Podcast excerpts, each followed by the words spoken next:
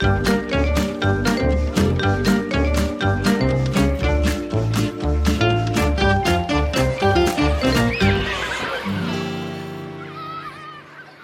både dystre og mer håpefulle bilder av læreryrket som både er svært krevende og givende på samme tid. Undersøkelser viser også at mange lærere ønsker seg ut av klasserommet og til jobber utenfor skoleporten. Og lærerlekkasjen er reell. Ca. 40 000 lærere med lærerutdanning har valgt bort skolen. Hvorfor slutter lærerne? Det skal vi snakke om i lærerrommet i denne episoden, og velkommen hit. Navnet mitt er Vigdis Alver. Og jeg heter Marianne Olsen Brøndtveit. I en eh, fersk undersøkelse gjort av Respons Analyse svarte over 50% av lærerne at de har søkt eller har vurdert å søke jobb et annet sted enn i skolen i løpet av de siste to årene. En annen undersøkelse fra NTNU i 2014 viste at hver femte lærer ofte tenker på å forlate yrket, og dette i en tid hvor lærermangelen allerede er en realitet. Det er eh, mange årsaker til at lærere vil slutte, eller faktisk tar steget, og de grunnene skal vi snakke om fra ulike ståsteder i denne episoden. Og med oss til å gjøre det, så har vi tre gjester, og velkommen til deg, Berit Kjelsberg. Du er lærer ved Tromsdalen videregående skole i Tromsø. Sånn. Og velkommen Steinar Strømsli, som jo egentlig er lærer i Bonn, men du er nå fylkesleder i Vestland for Utdanningsforbundet. Hei sann. Og velkommen Kari Smith, professor ved Institutt for lærerutdanning ved NTNU, og dessuten leder av NAFOL, Nasjonal forskerskole for lærerutdanningen. Hei. Og Smith, du har jo faktisk forska på årsaken til at eh, lærere slutter, og hva er hovedårsakene ifølge ditt materiale? Eh, svaret er ikke enkelt. Det som vi har sett mest på, det er kanskje nye lærere, og eh, hvorfor de slutter. Og eh, det som jeg kanskje synes er mest interessant, det å ikke gå inn i uh, disse årsakene som uh, at det er vanskelig praksissjokket osv. Det som er mest interessant, er kanskje det vi har funnet, at det er noe som heter nå i denne tiden, som heter nomade. yrkesnomader, for å si det sånn. Og unge mennesker i dag ofte, at de går inn i et yrke og så har de vært der et par år, og så velger de å gå videre i et yrke. Det er nok ikke hovedgrunnen, men jeg tror vi skal ta med den grunnen også når vi tenker på hvorfor de slutter. Ellers så er det ofte det at de eh, føler at de underviser i fag som de ikke har fått utdanning i. At man bruker de altså i, i fag som de ikke har utdanning i. Det er nok en av de største belastningene som nye lærere har. Mm. Ja, nå har vi jo hørt statistikken om mange som eh, ønsker seg bort og vurderer andre jobber, og at eh, mangelen er reell. Og med de årsakene som du nevner her med nye lærere, er det en grunn til å tro at disse årsakene er forsterket? Altså at det er en økt grunn til bekymring for dette nå? Noen av disse lærerne har jo kommet inn i skolen. Økt bekymring er det fordi at eh, når vi tenker på at lærerutdanningene de tar opp kvoter, og, og man, har, man, har, kvotetall for å bli tatt opp i lærerutdanningene. Men da er kanskje beregningene det at de som begynner i en lærerutdanning, de blir ferdig i en lærerutdanning, og så fortsetter de i yrket. Men det er jo det vi vet at det ikke skjer. Det er mange som faller, faller bort fra lærerutdanningen, og fra andre utdanninger. Ikke bare lærerutdanningen. Studenter de skifter tematikk. Mm. Det er det ene. Og det andre er det at, at, det er jo som vi har snakket om, at det er antall lærere som eh, velger ikke å fortsette i yrket. Og det, det, som vi har funnet i noe av forskningen vår, det er jo det at lærerutdanning er en god utdanning å ha ha i bakgrunnen. Du kan bruke den på mange områder. En pedagogisk utdanning er en god utdanning å ha, mm. og du kan bruke den. Så det òg tror jeg er, er, noe vi skal tenke litt på. Og ikke bare se på de veldig negative aspektene ved det. Nei, det er en uh, god utdanning, og den har jo blitt uh, bare bedre. Men også er det jo slik at skolen har jo også opplevd en forandring de siste åra. Det har jo bl.a. vært uh, et voksende krav om såkalt mål- og resultatstyring. Tror du at dette har noe å si for hvorfor lærere slutter eller ikke ønsker å begynne, eller ønsker seg bort? Det har vi funnet eh, både i vår egen forskning her i Norge, men også i den internasjonale forskningen. At de føler at eh, de er deprofesjonalisert. Og da skal jeg bare kort gå inn på hvorfor ønsker folk å bli lærere. Eh, de ønsker å bli lærer ofte fordi at de har en indre motivasjon til å undervise i et fag. Eller at de vil gjøre noe godt for samfunnet. Og så er de utdannet til å gå inn i læreryrket med, med, altruistiske tanker, og nå skal de gjøre noe bra for samfunnet også. Og så ser de at eh, mye av det de gjør, det er, er ikke ordentlig lærerarbeid, som de sier. Det er mer dokumentasjon, det å gjøre det som de blir sagt til å gjøre. Og eh, det er nok mange av de som vi har snakket med, både i Norge og internasjonalt. Jeg føler meg mer som en tekniker enn jeg føler meg som en pedagog og en eh, eh, profesjonsutøver med en viss grad av autonomi. Mm, og dette kan oppleves som belastende, sånn som jeg hører deg. Ja.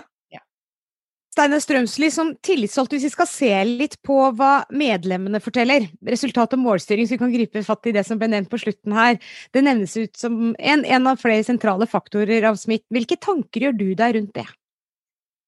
Ja, Aller først vil jeg si at jeg, jeg tror jeg støtter Kari i forskninga. Jeg, jeg, jeg, ser det samme som i forskninga, at denne her, la oss kalle det for flukten fra læreryrket. da, Eh, ikke handler om én ting, men eh, mange flere ting. For Det er det vi ser òg, og det er det vi får av mange tilbakemeldinger.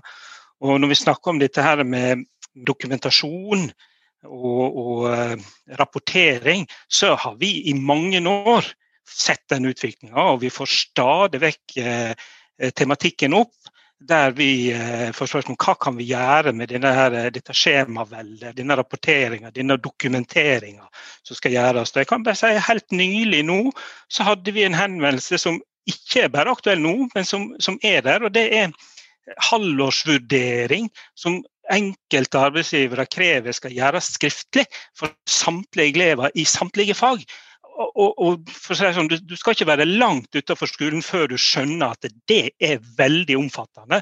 Så det er bare et eksempel på en sånn her byråkratisering som vi ser har utvikla seg over mange år nå. Og Innledningsvis så fortalte vi oss om undersøkelsen fra Respons Analyse, hvor over halvparten fortalte at de har eller de vurderer å søke seg bort fra yrket. Hva forteller medlemmene om ønsket om å bytte yrke? Nei, eh, det, det, som jeg sier, jeg tror i alle fall at det handler om mange forskjellige ting. Og så tror jeg at når en, en lærer tenker at OK, jeg, jeg begynner å se etter noe annet, så handler det om summen av alt som en føler ikke er der. Eh, Lønn mm. tror jeg nok absolutt er én ting, men òg dette her med rapportering og dokumentasjon. Denne her, eh, Uh, New Public Management-styringa, uh, der mål og resultat er blitt viktigere enn en samfunnsmandatet, som Kari var inne på her, som jeg tror mange har en stor motivasjon for. En, føler så mange hindringer for å nå de målene en egentlig har satt seg når en ønsker å være en lærer.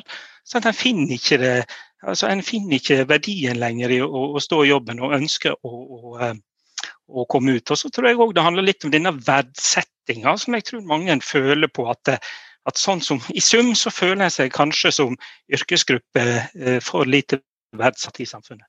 Mm. Ja, SSB-funn fra 2019 viser jo at høyere lønn er nevnt blant mange som et insentiv for lærere til å bytte jobb. Eh, og flere kartlegginger viser jo nå eh, at lærerne har hatt et etterslep når det gjelder lønn i flere år. Hva tror du at lønnsnivå i skoleverket har å si for hvorvidt man vurderer å bli eller å forlate. Snakker lærerne om dette? Ja, lønn er alltid et, et tema når vi samles i fagforeninger. Det, det, tror jeg ikke jeg kan legge skjul på. Eh, men jeg er ganske så trygg på at det isolert sett ikke alene handler om lønn. Eh, jeg er nok ganske trygg på at det er en, sånn, eh, en sum av flere ting. Men det er klart, hvis du, får, hvis du, da er i tankeboksen om dette er rette greier for meg nå, eh, og du får et tilbud om en betydelig bedre lønn, altså tror jeg nok terskelen er relativt låg for å ta den jobben. Selv Lønnen var kanskje utslagsgivende, men det er nok ikke den eneste grunnen. Ja, Vi skal flytte oss inn i skolekorridorene og klasserommene. og Berit Kjelsberg, hvordan er dette på arbeidsplassen din? Har du mange kolleger som har funnet seg en annen jobb eh, i det siste, eller som snakker om det? Jeg er veldig enig for, må jeg si, med, med Okari og Steinar. Men det er veldig mange unge som, som uh, Okari var inne på, det her at vi kan ikke komme inn på den her sytinga i forhold til praksissjokket. Og, men det er jo det de unge lærerne sier.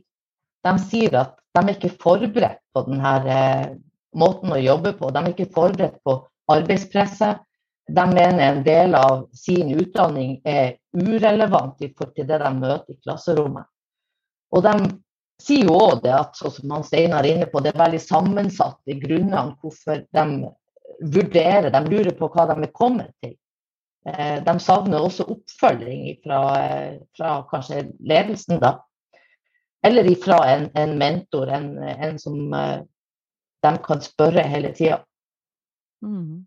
Ja, Du nevner jo flere eh, ting her, og det, blir, og det er mange årsaker. Dette med lønn som vi snakket om, er det en faktor som nevnes for dem? Eh, kollegene dine? Finner de, seg, finner de seg jobber som er bedre betalt? Eh, det er klart de nevner lønn. Eh, lønn er viktig, spesielt de som er nyutdanna nå, som har en lang utdannelse, i, i eh, motsetning til jeg som gikk på vanlig lærerskole. Da. Så de føler at de, kom, de sakker akterut i forhold til de yrkene de kan sammenligne seg med i forhold til samme mengden utdannelse. Da. Mm. Og både Smith fra forskningen og Strømsli her fra, fra, andre lærere har jo snakket om dette her med skolestyringen, skolehverdagen som preges av mål- og resultatstyringer. Hvordan merker du dette selv inn i hverdagen din som lærer? Ja, jeg merker det at eh, altså, oppgavene i skolen har jo forandra seg. Alt skal måles, alt skal styres. Elevene skal inn i en mal. Eh, det er lite rom for å få lov til å tenke sjøl. Lite rom for individuell tilpasning, og jeg syns det er lite fleksibilitet. Vi må få lov å være lærere. Det er, Kjerneoppgaven i undervisninga er jo kontakt med elevene, og det er jo derfor vi er blitt lærere. Så la oss få lov å gjøre jobben vår, begrense papirarbeid og rapportering. Gi oss tid til å følge opp hver enkelt elev. De er så forskjellige. Og vi må få lov å eh, bruke tid på at de faktisk er forskjellige. Og, og, kanskje ikke minst respektere vår rett til å, å, gjøre faglige vurderinger, for vi føler at vi blir styrt i alle mulige retninger. Smith, for å ta tak i det som eh, nevnes av Kjelsberg her. Forskningen viser jo også at uh, en av de sterkeste faktorene til at lærere vil eller blir værende i skolen, ikke er om elevene scorer høyere i de nasjonale prøvene, men om de klarer å skape gode relasjoner med elevene. Hvorfor er det slik? Eh, ja, takk for at du spurte om det, for dette her tror jeg er veldig veldig Altså, Vi har funnet årsaker til at lærere forlater yrket pga. relasjoner, men også at de blir værende i yrket pga. relasjoner. Og eh, f.eks. litt dårlig arbeidsmiljø. Eh, en dårlig leder. Lite støtte. Det er dårlige relasjoner gjør da at de, at de velger å forlate yrket, og særlig når de har andre muligheter. Som blir sagt her, både Berit og Steiner, de har lang utdannelse, de er attraktive på markedet. Mm. Eh, og de er flinke. Og eh, når de får et bedre eh, tilbud, så sitter de kanskje med studielån og de skal kjøpe leilighet osv. Og, så videre, og, og da er lønn viktig. Men vi vet at lønn ikke er, det vet vi òg fra forskning, at lønn ikke er grunn til at de ikke velger å bli lærere. Altså når de begynner. Det er noe som skjer etterpå. Det er det ene. Men så vil jeg gå tilbake til dette med relasjoner å ha gode relasjoner. Og det som vi har funnet da i vår forskning, og det er flere case-studier her i Norge, der har vi funnet eh, at relasjoner med elever, det er noe av det viktigste. Og det som er interessant, er at vi har funnet relasjoner med de vanskelige elevene. Når du har en lærer, en ny lærer, som plutselig har, som har en vanskelig klasse, og ofte får de vanskelige klasser, mm. eh, og, og eh, så er det et øyeblikk da i det, det minuttet at de klarer Aha, nå har jeg bygget opp tillit. Nå stoler den eleven på meg. Og det er en sånn aha-opplevelse. Altså, jeg vet i alle fall da jeg var lærer, så, eh, så følte jeg at dette er noe av det sterkeste. Mm. Og det gjør at ja, der mm. vil jeg bli værende i yrket. Så relasjoner det er viktig, men òg relasjoner på skolen. Og eh, også relasjoner i henhold, som Berit var inne på, eh, eh, til veiledning. Men å bare ha en god relasjon med en veileder er ikke nok. Jeg tror hele skolen, hele lærerpersonalet, når det kommer en ny lærer, eller det kommer nye lærere, så har de ansvar for å ta seg av denne nye læreren og, og, og veilede den. Ikke bare eh, i det små og det daglige, men i det store og det hele. Så jeg tror relasjoner er utrolig viktig for oss å ivareta folk på en arbeidsplass. Ja, for dette med relasjoner kom jo også fram i historier fra lærerne nå under pandemien, eh, hvor rødt nivå med faste grupper, få elever, har vist dem hva tid og relasjoner har å si for jobben de får gjort i klasserommet, eh, og elevenes trivsel der, ikke minst. Eh, hvordan kan vi ta med dette videre i sammenhenger som vi snakker om i dag, tenker du? Eh, her er jeg litt inn på det som både Berit og Steinar sa. De må få tid til å skape relasjoner relasjoner er ikke noe som, som, kommer av seg selv. Man må skape relasjoner. Og det, det, det som vi vet, det, det er i grunnen veldig interessant. At man har noe som heter eh, emosjonelle relasjoner og eh, eh, eh, læringsrelasjoner. Og det som vi vet, er at læringsrelasjonene kan ikke bygges opp hvis ikke de først de emosjonelle som tillit og, og, og, og respekt osv. gjensidig blir bygget opp. Mm. Og da må altså lærerne få, få anledning til å bruke tid på dette. Mm. Ja, Steinar Strømsli, vi var jo inne på fortellingene her fra pandemien, hva lærerne sier om rødt nivå og knytta til relasjoner. Og hvis du skal sette et forstørrelsesglass på pandemien, om, hva ville det ha vært både om dette og andre ting? Jeg tror jeg iallfall kunne ha satt et forstørrelsesglass på dette med, med tid, til å ta seg av elevene. Eh, jeg har lyst til å dra parallellen til barnehagen, fordi jeg syns det kanskje har vært enda tydeligere der. Når en har sett at en har eh, laga kohorter i barnehagen der de voksne i mye mindre grad enn normaldagen er kun sammen med sin kohort, så har de opplevd en utrolig sterk eller sterkere relasjoner til gruppa si. Og det samme responsen mm. får vi fra foreldre som opplever barna mye tryggere i disse settingene. Og jeg tror nok de opplever eh, mye tilsvarende i skolen, men, men der har de organisert det uansett litt annerledes. At en stort sett har nesten, iallfall på Gult nå, fulgt omtrent som en normal skolehverdag. Så jeg tror kanskje ikke de har sett det like sterkt som i barnehagen. Men mm. jeg er ganske sikker på, trygg på at effekten ville vært det samme. Og Da kan en òg stille spørsmål, for da drar jeg igjen. Ja, ok, eh, Her er det da barn, nå, hvis vi iallfall holder oss i den nedre delen av skolen, så tror jeg barn der i større grad enn en eldre barn har behov for færre voksne å skape en sterkere relasjon til enn eh, en sånn som utviklingen har blitt nå de siste åra, der en har mye mer mm. fagfokus, og at en derfor har flere voksne inn i klasserommet enn før. Eh, det tror jeg er en utvikling vi nå, etter denne koronatida, kan si at OK, vi kan iallfall stille spørsmålstegn ved det. Har det vært eh, riktig? Eh, riktig mm. utvikling vi nå er på vei inn i? Ja, og dette er jo én side av, eh, av, eh, pandemien og jobbingen. da. En annen side er jo at eh, lærerne har jobbet mye mer, og mye mer enn vanlig i den situasjonen, med både smitteverntiltak og situasjoner, og snudd seg rundt raskt. Og hvis du skulle liksom tenke litt inn på hvordan det påvirker på det som vi snakker om her, hvorfor slutter lærerne, tror du at dette er ting som kan komme til å påvirke et ønske om å om å gjøre noe annet? Kanskje ikke på lang sikt. Jeg tror nok eh, mange nå eh, Det kan nok hende at dråpen eh, har rent over for en del i denne her koronasituasjonen. Jeg har jo jeg har ikke selv konkrete eksempler på det her i vårt fylke, men jeg har iallfall sett flere som har vært ute i ulike medier og sagt at nå er det nok, nå slutter jeg.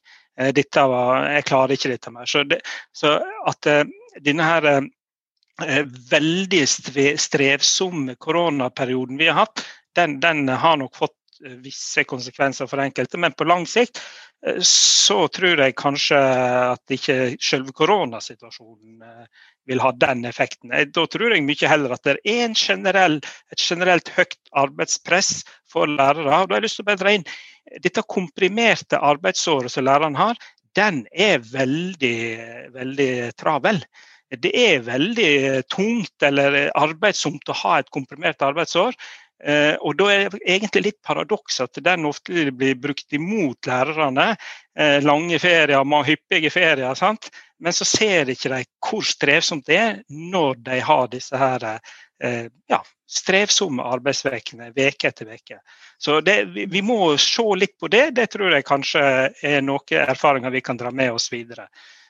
Finne ut hvordan vi kan organisere vår, vår arbeidshverdag på en bedre måte. Mm. Kjelsberg, jeg har lyst til å, komme litt tilbake til det du snakket om med tanke på relasjoner, som da utgjør en stor del av det meningsfulle for en eh, lærer og hverdagen med elevene.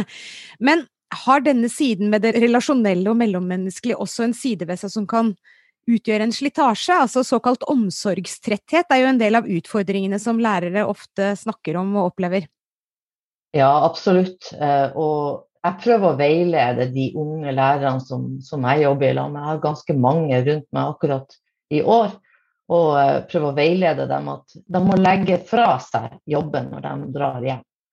Og det har jo kanskje vært en utfordring akkurat under denne pandemien. da. Fordi at du klarer ikke å legge den fra deg, fordi at det er hele tida noen som trenger deg, selv om uh, du har både logga av og sier at du er utilgjengelig. Men uh, det er jo òg en del som jeg mener kan eh, være en del av den utdanninga. Som jeg bruker å si til mine unge kollegaer, hvis dere skal stå i denne jobben til dere eh, ja, er 50 og 60, så må dere lære dere også å la noe ligge. For det er du nødt til. Mm. Smith, du ønsket å kommentere det? Ja, jeg vil gjerne kommentere det, for jeg er veldig enig med det som Berit sier her. Og hvis jeg kan bare få lov å komme med egne erfaringer som lærer. Jeg underviste i engelsk og hadde vanligvis den samme klassen i tre år gjennom hele videregående skole. Og, og eh, eh, hver gang jeg måtte si farvel til en klasse, så var det som også, også si farvel til barna mine. At eh, man knytter såpass ofte sterke relasjoner med dem. Og det er en følelsesmessig byrde som ikke blir diskutert i lærerutdanningen. At, at du får en ny klasse, og så må du si, knytter du sterke relasjoner, og så skal du si farvel til den. Og da må du bryte de for å begynne helt på nytt igjen med en annen. Dette tror jeg det vi må være flinkere til å snakke om i lærerutdanningen.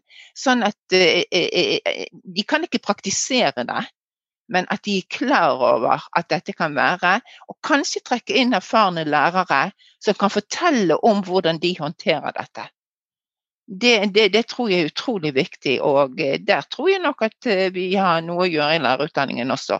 Og så snakke mer om det relasjonelle, emosjonelle. Den byrden og, og emosjonelle byrden å være lærer. Ja, Kjelsberg? Jeg var på et uh, fantastisk kurs nede i Steinkjer i fjor. Og for skoleledere, egentlig. Men så fikk jeg lov å dra med som representant fra Utdanningsforbundet. Da. Og um, der var det noen som hadde et innlegg om, uh, om uh, debrifing.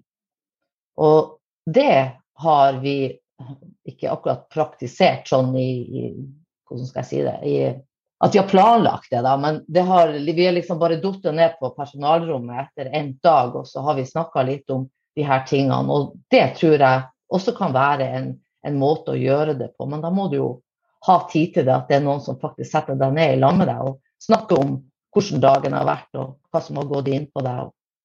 Mm. Ja. ja, for det er jo mange sider som utgjør eh, ansvaret for disse elevene, også fra lærerens ståsted. Men i hvilken grad bør vi også snakke om dette laget rundt eleven i denne sammenhengen? Trengs det en styrking av de andre faglighetene, slik at lærerne får sentrert blikket sitt litt mer i sin hverdag? Absolutt det, det, blir jo sånn at det blir så mange arbeidsoppgaver at spesielt når du er kontaktlærer, så, så, eh, så, ser du at ting kanskje ikke blir gjort. De som skal være der og jobbe rundt. Og så er det du som kontaktlærer som får den merbelastninga da. Jeg har ett år i løpet av mine 30 år ikke vært kontaktlærer, og det var en helt annen jobb. Nettopp pga. det, akkurat det du sier. Ja, Smith, eh, vi snakker jo nå om veldig mange ulike temaer som peker i mange ulike retninger her, og det er veldig mange ansvarlige inn i dette. Og du som jobber med å utdanne nye lærere, hvordan tenker du at man skal balansere alle disse utfordringene opp mot de som skal bli lærere? Altså, jeg tror vi må tenke før vi kommer til lærerutdanningen, og kanskje på, på et mer politisk sted. Eh, det er hva er lærerens oppgave? Mm. Og eh, har vi nå gitt læreren altfor mange oppgaver? At eh, eh, de tar på seg oppgaver som de ikke er utdannet for, og eh, som kanskje andre profesjoner kunne overta på en bedre måte. Og det er jo i fortsettelse av det som Berit sa her. Og, eh, og eh, jeg tror læreren skal få lov til å være lærer, og det er å undervise. Mm det å undervise, også, også utdanne og danningselementet. Mm. Men det betyr ikke det at vi skal være helsesøster, og det betyr ikke det at vi skal være psykolog, og det betyr ikke det at vi skal være terapeut osv. Vi skal være en voksen som støtter disse. Men, men, men eh, det må andre, altså vi må gi større rom for de andre profesjoner som kan være med og så skape en god hverdag for elevene. Mm. og en god skoletid for elevene. Mm. Det er ikke lærerens jobb alene. Og Her vil jeg bare trekke inn det også, for det at lærerutdanningen må jo gjøre faktisk de, eh, eh, eh reflektere de oppgavene som blir lærerne gitt. Og da blir det kanskje litt for mye som ikke er grundig nok. At vi skal spre overalt. Og eh, det, jeg tror der har vi et problem som vi må tenke litt på hva er det læreren egentlig skal gjøre, og la mm. læreren få lov til å gjøre det. Ja, dette er jo et, eh, et, stort problem. Og hvor tenker du at det er lurest å begynne for å finne de gode og brede løsningene inn i det du snakker om nå? Jeg tror det at de representantene som vi har her, både Berit og Steinar og eh, eh meg selv, du har lærer, du har eh, Utdanningsforbundet, og du har en forsker. Og jeg tror nok det at vi må begynne der med å få sterkere stemmer inn i debatten om hva lærerhold skal være, og, lærere, eh, og, hvordan vi utdanner for å gjøre eh, gode lærere. Og da er det ikke nok at det blir bestemt på et politisk nivå. Et top down, ovenfra og ned-tilnærming, det er ikke den beste det må være fra bunnen opp, så vi kan møtes og så da samtale med de som tar de politiske bestemmelsene. Så jeg tror nok det at våre stemmer må bli sterkere, for å si det sånn. Trømsli, eh, Norge mangler flere tusen lærere med godkjent utdanning nå, og mangelen vil jo øke også de neste åra, ifølge estimatene. Én side er jo rekruttering og utdanning av nyansatte, en annen side er jo dette med hvordan vi skal ta vare på seniorene, og tilrettelegge for at de holder ut fram til eh, pensjonsalder. Hvilke tiltak er det viktig å se på da? Konkrete tiltak syns jeg er litt vanskelig å generalisere. For eh, det er kanskje nettopp det som er den største utfordringa. At det er en mangel på en individuell tilpassing. For det er jo forskjellige tiltak som vil være nyttig for ulike eldre arbeidstakere. Men eh, jeg, vil, jeg, vil, egentlig dra tilbake til dette her komprimerte arbeidsåret, som er veldig belastende. Og det vil jo selvsagt oppleves enda mer belastende jo eldre en blir. Så uansett hvordan en snur og vender på det, så handler det til sjuende og sist om å få redusert undervisningstida si. For det er det eneste i skolen som faktisk gir en reell lette. Sånn at eh, skal du klare å, å eh, og gi, ha gode seniortiltak, ja, så er det å få redusert undervisninga i stor nok grad, i tillegg til individuelle tilpasninger, sånn som jeg ser det. Mm. Ja, Kjelsberg, eh, du står jo i klasserommet, og du har jo et langt yrkesliv i skolen. Og du skal også få lov å si noen eh, avsluttende og kloke ord i denne samtalen. Hva vil være med på, og hva har bidratt til å gi deg den utholdenheten du har hatt i yrket? Ja, Det er jo nettopp det som vi har eh, vært inne på, det her med relasjoner til, til elevene. Og kanskje spesielt de elevene som, som, på en måte trenger det mest, fordi at de eh, har mindre bagasje med seg. Og eh, det er litt artig å møte de elevene igjen senere i livet, hvor de har fått seg jobb og er så glad for å se deg. Det, det er det som har hovedårsaken til at, at har jobba så lenge i skolen, og jobber der fortsatt. Og ellers så vil jeg jo si at for å fortsette med, med å være lærer, så det å være, legge til rette for både eh, de unge og de i midten og de eldre er veldig viktig i, i fortsettelsen av at hvis vi skal kunne rekruttere lærere inn i yrket, så må vi legge til rette sånn at de får en jobb som er meningsfull. Arbeidsoppgaver som er meningsfulle. Kjelsberg, vi ønsker deg lykke til med relasjonene og et langt uh, lærerliv. Med de rådene og de tankene om uh, livet i klasserommet, så setter vi strek for denne episoden fra oss i lærerrommet. Takk til gjestene våre, Kari Smith, Steinar Strømsli og Vere Kjelsberg, for at dere var gjester her. Ja, og dette er jo en samtale og et tema som både kan og bør fortsettes. Og del gjerne lærerrommet videre med dine venner, kolleger og sjefer. Vi får stadig flere lyttere, noe vi er kjempeglade for. Om ikke lenge er vi tilbake med et nytt tema. Ha det bra! Ha det!